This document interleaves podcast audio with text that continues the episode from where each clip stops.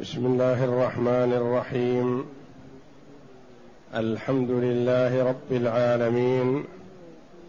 والصلاة والسلام على نبينا محمد وعلى آله وصحبه أجمعين. وبعد. بسم الله. أعوذ بالله من الشيطان الرجيم. الله الذي خلق سبع سماوات ومن الأرض مثلهن. يتنزل الأمر بينهن لتعلموا أن الله على كل شيء قدير. وأن الله قد أحاط ب... الله الذي خلق سبع سماوات ومن الأرض مثلهن. نعم. الله الذي خلق سبع سماوات ومن الأرض مثلهن. يتنزل الأمر بينهن لتعلموا أن الله على كل شيء قدير. وأن الله قد أحاط بكل شيء علما. هذه الآية الكريمة هي خاتمة سورة الطلاق. جاءت بعد قوله جل وعلا وكأي من قرية عتت عن أمر ربها ورسله فحاسبناها فحاسبناها حسابا شديدا وعذبناها عذابا نكرا. الآيات إلى قوله جل وعلا الله الذي خلق سبع سماوات ومن الأرض مثلهن. الآية. يقول الله جل وعلا الله الذي خلق سبع سماوات. فالله جل وعلا أوجد من العدم وأحدث بعد أن لم يكن موجود خلق سبع سماوات. ولا خلاف بين العلماء رحمهم الله على أن السماوات سبع وأن كل واحدة فوق الأخرى وأن في كل واحدة سكانا من الملائكة وعامرة. لهذه الآية الكريمة ولما شابهها من الآيات ولحديث الإسراء والمعراج. فالنبي صلى الله عليه وسلم أسري به من المسجد الحرام إلى المسجد الأقصى. صحبة جبريل عليهما الصلاة والسلام. ثم صلى صلى الله عليه وسلم في بيت المقدس بالنبيين وأظهر الله جل وعلا فضله على سائر الرسل صلوات الله وسلامه عليهم أجمعين. ثم عرج به إلى السماوات العلى فكان مع جبريل عليه الصلاة والسلام يستفتح كل سماء بعد التي دونها. استفتح السماء الدنيا ففتح له ثم الثانية ثم الثالثة وسلم صلى الله عليه وسلم على من فيها من الأنبياء والرسل. صلوات الله وسلامه عليهم حتى ارتفع فوق السماء السابعة عليه الصلاة والسلام. فدل هذا الحديث كما دلت الآيات على أن السماوات سبع. وفي كل سماء سكان. وكل سماء فوق التي دونها. ثم الخلاف بين العلماء رحمهم الله في قوله تعالى ومن الأرض مثلهن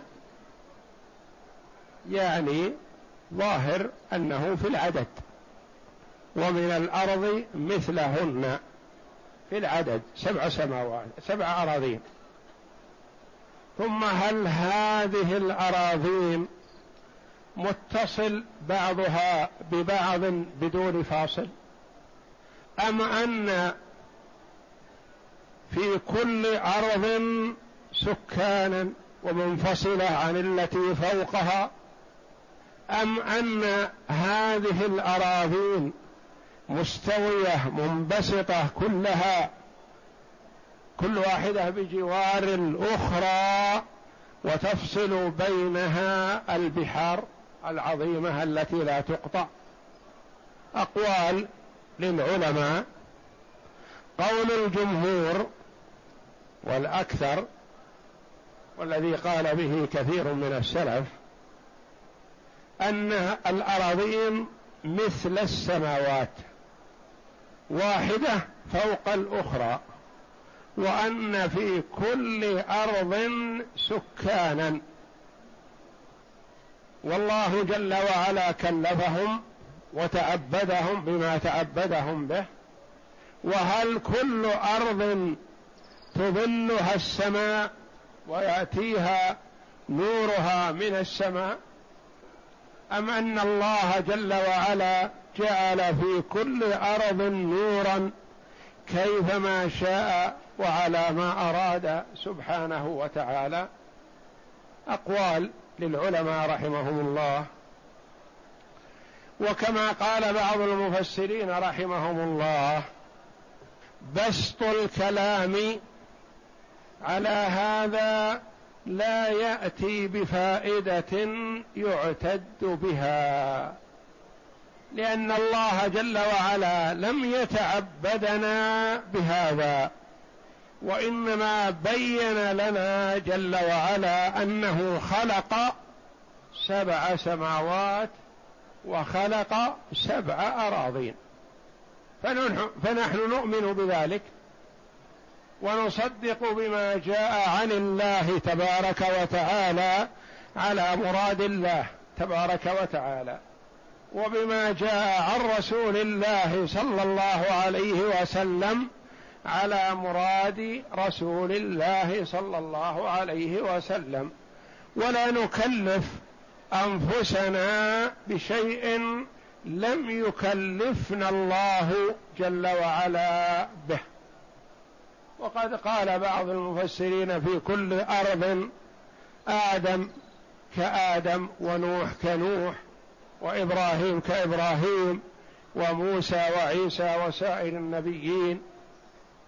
وسئل ابن عباس رضي الله عنهما عن قوله تعالى ومن الأرض مثلهن قال وما يدريك لو أخبرتك لكفرت يعني الأحسن لك الا تسأل عن مثل هذا لأنه قد لا يتحمله عقل الإنسان فينكره فيكفر بما جاء عن الله. وما يدريك لو أخبرتك. يقول ابن عباس رضي الله عنهما حبر هذه الأمة وترجمان القرآن. وما يدريك لو أخبرتك فكفرت. يعني أحسن لك أن لا أخبرك. وهكذا ينبغي للعبد إذا جاء عن الله جل وعلا شيء ما يدركه أن يفوضه إلى عالمه تبارك وتعالى ويؤمن بما جاء عن الله على مراد الله. لا على غيره لا على فهمه وعقله. ويؤمن بما جاء عن رسول الله صلى الله عليه وسلم على مراد رسول الله صلى الله عليه وسلم. لأن هناك أمور ما يدركها الإنسان بعقله. ما يحيط بها ولا يتصورها فإذا أخبر بها ربما أنكرها لأن عقله قاصر ما يتحمل. وفصل بعض العلماء أنها كذا على قول من قال إن الأرض كروية أو أنها كذا على من قال إن من قال من العلماء أن الأرض منبسطة وغير ذلك من الأقوال الكثيرة. والذي يظهر والله أعلم أن الأحسن للمرء أن يؤمن بما جاء عن الله تبارك وتعالى على مراد الله تبارك وتعالى ويؤمن بما جاء عن رسول الله صلى الله عليه وسلم على مراد رسول الله صلى الله عليه وسلم وفي هذا سلامة للمرء في دينه وفكره وسلامة له من الانحراف أو الضلال أو التكذيب أو عدم تحمل هذا الشيء. وما دام أن الله جل وعلا لم يكلفنا هذا ولم يأمرنا ببلاغ من في الأرض الثانية أو الثالثة أو الرابعة إلى آخر ما قال بعض المفسرين هل الرسول مكلف بأن يبلغهم رسالة الله؟ هل جاءه نذر منهم وأخبرهم صلى الله عليه وسلم كل هذا ما كلفنا الله جل وعلا به فنؤمن بما جاء عن الله على مراد الله وبما جاء عن رسول الله صلى الله عليه وسلم على مراد رسول الله. يقول رحمه الله وبسط الكلام على هذا لا يأتي بفائدة يعتد بها ويكفي الاعتقاد بكون السماوات سبعا والارضين سبعا كما ورد به الكتاب العزيز والسنة المطهرة. ولا ينبغي لنا الخوض في خلقهما وما فيهما فإنها شيء استأثر الله سبحانه وتعالى بعلمه. لا يحيط به أحد سواه ولم يكلفنا الله تعالى بالخوض في أمثال هذه المسائل والتفكير فيها والكلام عليها وبالله التوفيق. يعني ما كلفنا الله جل وعلا بالغوص في هذه الأمور. وإنما نؤمن بأن الله خلق سبع سماوات ونؤمن بالسماوات بانها منفصل بعضها عن بعض وأن في كل سماء سكان من الملائكة كما قال النبي صلى الله عليه وسلم أطت السماء وحق لها أن تئط ما فيها موضع شبر إلا وفيه ملك راكع أو ساجد أو قائم أو كما قال صلى الله عليه وسلم. والنبي صلى الله عليه وسلم دخل السماوات واستفتح ودخل به جبريل في كل سماء من السماوات السبع كل واحدة ووجد فيها ما شاء الله من الأنبياء وسلم عليهم عليه الصلاة والسلام وتجاوز ما قصر عنه الوصول جبريل عليه الصلاة والسلام. جبريل توقف في في الحد الذي حدد له. قال هذا منتهي ومضى صلى الله عليه وسلم حتى دنا من ربه تبارك وتعالى. وأما بالنسبة للارضين فنؤمن بأنها سبع لأنها قوله جل وعلا ومن الأرض مثلهن. وقوله صلى الله عليه وسلم من ظلم قيد شبر من الأرض طوقه من سبع أراضين يوم القيامة. فعن سعيد بن زيد رضي الله عنه وهو أحد العشرة المبشرين بالجنة رضي الله عنه قال سمعت رسول الله صلى الله عليه وسلم يقول من أخذ شبرا من الأرض ظلما فإنه يطوقه يوم القيامة من سبع أراضين يعني أنه يجعل طوقا في عنقه أو يجعل على الصفة التي أرادها الله تبارك وتعالى. قال النسفي رحمه الله أجمع المفسرون على أن السماوات سبع. وقال الخطيب لا خلاف فيه لحديث الإسراء وغيره لأنه لأن النبي صلى الله عليه وسلم دخلها ومن الأرض مثلهن قال في العدد يعني سبعا. قرأ الجمهور مثلهن بالنصب على أنه عطف على سبع سماوات. الله الذي خلق سبع سماوات ومن الأرض مثلهن يعني خلق مثلهن من الأرض على أنه مفعول لخلق. وقرئ بالرفع. ومن الأرض مثلهن مثلهن. الله الذي خلق سبع سماوات ومن الأرض مثلهن. مثلهن على أنه مبتدأ. والجار والمجرور قبله متعلق بمحذوف خبره. قال بعض المفسرين رحمهم الله ما في الأرض آية ما في القرآن آية تدل على أن الأراضين سبع إلا هذه الآية. يقول واختلف الناس في المثلية وكيفية طبقات الأرض على أقوال كما ذكرت سابقا. وأما الأحاديث فورد أنها سبع أراضين في حديث سعيد بن زيد رضي الله عنه من ظلم قيد شبر من الأرض وفي الحديث الآخر أن النبي صلى الله عليه وسلم في مغازيه لم ير قرية يريد دخولها إلا قال حين يراها اللهم رب السماوات السبع وما أضللن. من الظل يعني أنها تظلها السماء. ورب الأراضين السبع وما أقللن يعني حملت. الحديث. فذكر صلى الله عليه وسلم أن الأراضين سبع في هذا الحديث وفي غيره من الأحاديث. الله الذي خلق سبع سماوات ومن الأرض مثلهن يتنزل الأمر بينهن. يتنزل ينزل من السماوات من من عند الله جل وعلا بين السماوات والأراضين.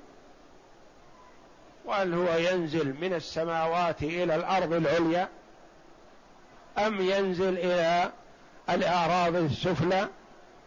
وهل فيها عباد لله جل وعلا وينزل عليه تنزل عليهم الملائكة؟ وارسل إليهم رسل. أم المراد بالأمر التدبير دون التشريع؟ قولان للعلماء رحمهم الله. يتنزل الأمر بينهن يتنزل الأمر يعني أمر التشريع والتكليف والأمر والنهي من الله تبارك وتعالى من السماء من فوق من عند الله جل وعلا وهو جل وعلا مستو على العرش والعرش هو سقف المخلوقات ليس فوقه سوى الله تبارك وتعالى. يتنزل الأمر بين السماوات وبين الارضين السبع حتى يصل الأمر بالتشريع إلى الأرض السابعة السفلى. أم أنه يتنزل الأمر الخلق والإيجاد دون التكليف فلا يكون في الأراضي السفلى تكليف وإنما فيها أمر الله وتدبيره. يتنزل الأمر بينهن لتعلموا لتعلموا أن الله على كل شيء قدير. عظم. هذه المخلوقات دلالة على عظمة الخالق تبارك وتعالى.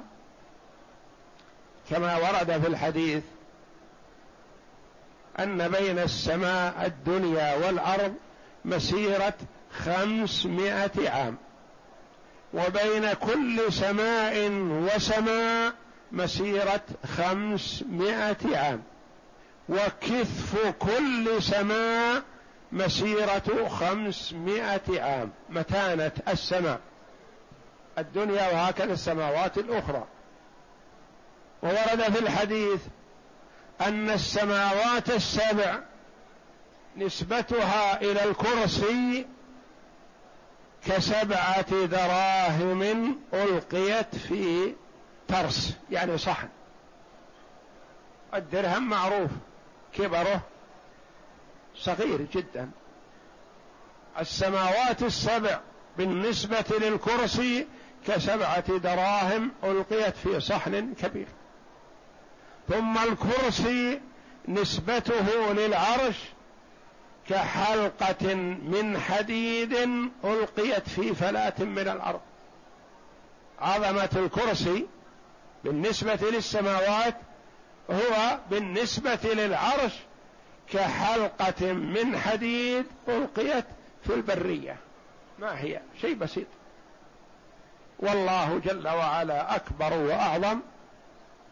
فهذه عظمة العرش والله جل وعلا وصف العرش بأنه عظيم وهو خالق العرش وخالق ما سواه وهو مستو على العرش بائن من خلقه تبارك وتعالى. لتعلموا أن الله على كل شيء قدير. خالق هذه المخلوقات العظيمة على كل شيء قدير. إنما أمره إذا أراد شيئا أن يقول له كن فيكون. وخلق الله جل وعلا وإيجاده لا يترتب عليه إيجاد ولا يلزم منه إيجاد مواد. مثل ما إذا أردنا أن نبني لابد أن نوجد مواد البناء. الله جل وعلا إذا أراد شيئا قال له كن فيكون كما أراد الله جل وعلا. لتعلموا أن الله على كل شيء قدير وأن الله قد أحاط بكل شيء علما. هذه المخلوقات العظيمة خلقها الله وأوجدها وهو جل وعلا على علوه يعلم ويرى ويسمع دبيب النملة السوداء على الصخرة الصماء في ظلمة الليل. وفي هذه الآية الكريمة إثبات كمال القدرة لله تبارك وتعالى وإثبات إحاطة علمه سبحانه وتعالى بكل شيء. أحاط بكل شيء علما. لا تخفى عليه خافية من خلقه. على عظمة المخلوقات وتباعدها وتباينها وما فيها من المخلوقات العظيمة قد أحاط الله جل وعلا بها علما. وعلم الله جل وعلا بها قديم قبل أن يخلقها. فهو جل وعلا كما ورد في الحديث الصحيح أول ما خلق الله القلم. قال له اكتب قال ما أكتب؟ قال اكتب ما هو كائن إلى يوم القيامة. فجرى القلم بما هو كائن إلى يوم القيامة قبل أن يخلق السماوات والأرض بخمسين ألف سنة. وكان عرشه على الماء. اختلف بعض العلماء رحمهم الله هل العرش خلق قبل القلم أم القلم خلق أولا فالحديث يقول أول ما خلق الله القلم ويقول في آخر الحديث وكان عرشه على الماء. فدل الحديث هذا على أن العرش مخلوق قبل القلم وإنما القلم أول مخلوق خلقه الله جل وعلا من هذه المخلوقات المشاهدة المحسوسة. وكان عرشه على الماء وذلك قبل أن يخلق الخلق بخمسين ألف سنة. قد أحاط الله علما بكل شيء.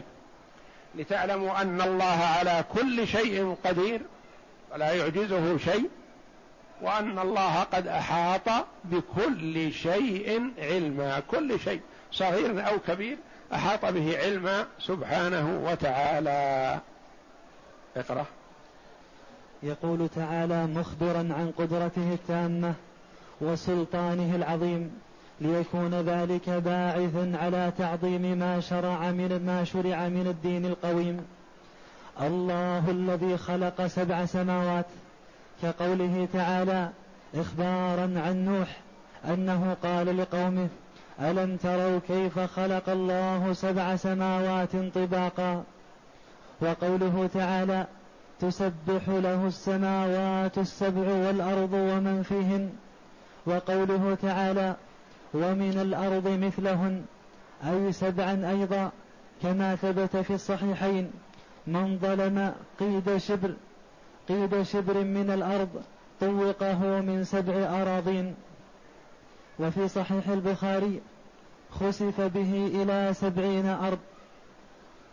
وقد ذكر عن طرق وألفاظه في أول البداية والنهاية عند ذكر خلق الأرض. ولله الحمد والمنة. ومن حمل ذلك على سبعة أقاليم فقد أبعد النجعة وأغرق في النزعة وخالف القرآن والحديث بلا مستند. وقد تقدم في سورة الحديد عند قوله تعالى هو الأول والآخر والظاهر والباطن. ذكر الأراضين السبع وبعد وبعد ما بينهن وكثافة كل واحدة منهن خمسمائة عام. وهكذا قال ابن مسعود وغيره وكذلك في الحديث الآخر ما السماوات السبع وما فيهن وما بينهن والأرض السبع وما فيهن وما بينهما وما بينهن في الكرسي إلا كحلقة ملقاة بأرض فلات.